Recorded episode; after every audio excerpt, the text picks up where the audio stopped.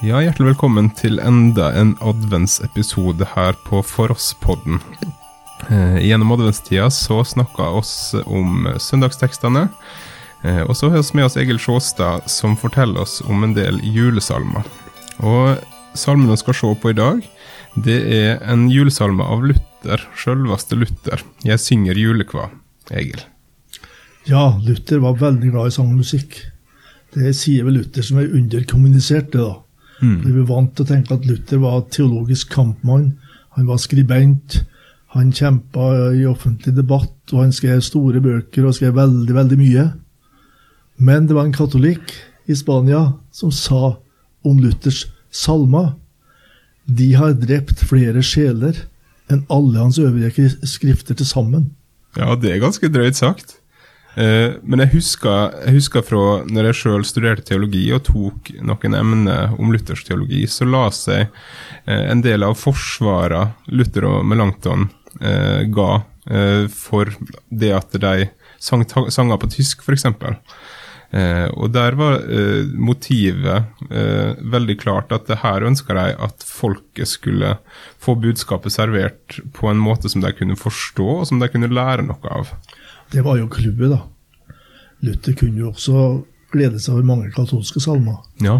Av og til gjorde han en vri på dem da, og fikk forandra teksten sånn at det var mer evangelisk. Mm. Men eh, sang- og salmeskatten den betydde veldig mye for Luther sjøl, og han skjønte det at skal den nå inn til folket, så må det være på morsmålet. Ja.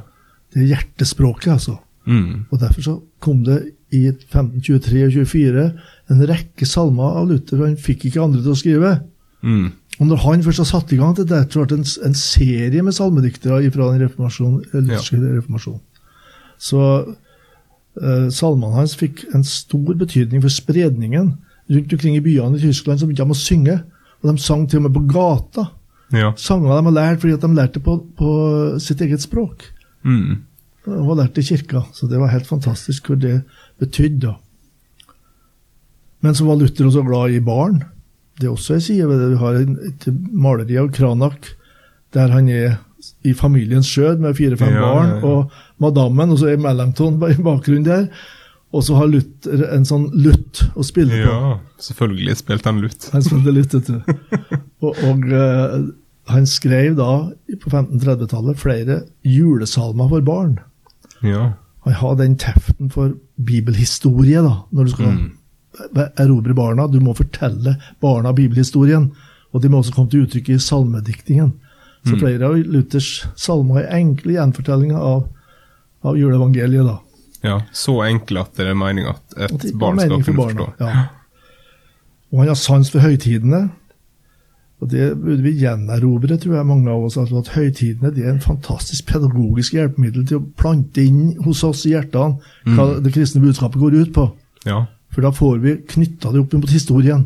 Ja, og det er jo også noe som på en måte blir gitt som et motiv egentlig i ja. Bibelen for de bibelske høytidene.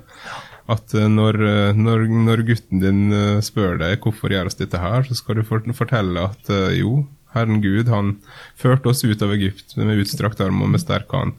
Så det er et motiv som vi kanskje må finne opp og ta opp igjen også i møte med de kristne høytidene. Ja, det syns jeg er veldig viktig. altså. Og, og, Luther finner du i den linjen der med vekt på høytider. Mm. Og den julesalmen her, da, som han uh, egentlig fant et, ja, et forstadium til på latin, og som han oversatte og fikk nyskriva på tysk, og som da er på norsk her 'Jeg synger julekvad'. Jeg er så glad, så glad. Mm. Altså, det er med den evangeliske gleden ja. som disse julesangene formidler. Altså, det, det, er nesten glede i hver eneste salme. Mm. Og Det har med det å gjøre at Jesus er så viktig. Og når han kommer, så blir vi glad. Og, og her er det han hviler i stall og krybbe trang midt iblant oss. Som solen klare smiler han på sin moders fang. Han tenker seg ja, ja. at her kommer Guds smil til oss, altså. Også presentasjon. Han er frelser min. Mm. Et personlig vitnesbyrd. Han er frelseren min. Hvem? Han som ligger i krybba her, og som har kommet. Derfor synger jeg og er så glad. Ja. Og andre verset, Jesus, du barnlill, altså du lille barn, jeg lenges til deg. Det er uttrykk for hjertet, altså klynger seg fast til et budskap om Han som kom, og ble en av oss. ingen fjern Gud. Han er et barn midt iblant oss. Ja. Og da må du komme hit, Jesus. Tre din, inn om her er smått. Det var elendige forhold i stallen. Det er elendig å komme hos meg altså. men du skal få komme inn i hjertet mitt, Jesus. Og gjør du det, og hvis jeg får finne deg, Jesus, så har jeg det godt. Mm. Det, det er et sånt personlig tillitsforhold til Herren som Ja. kommer til uttrykk i den sangen. Og så det der fa fantastiske uttrykket 'drag meg efter deg'.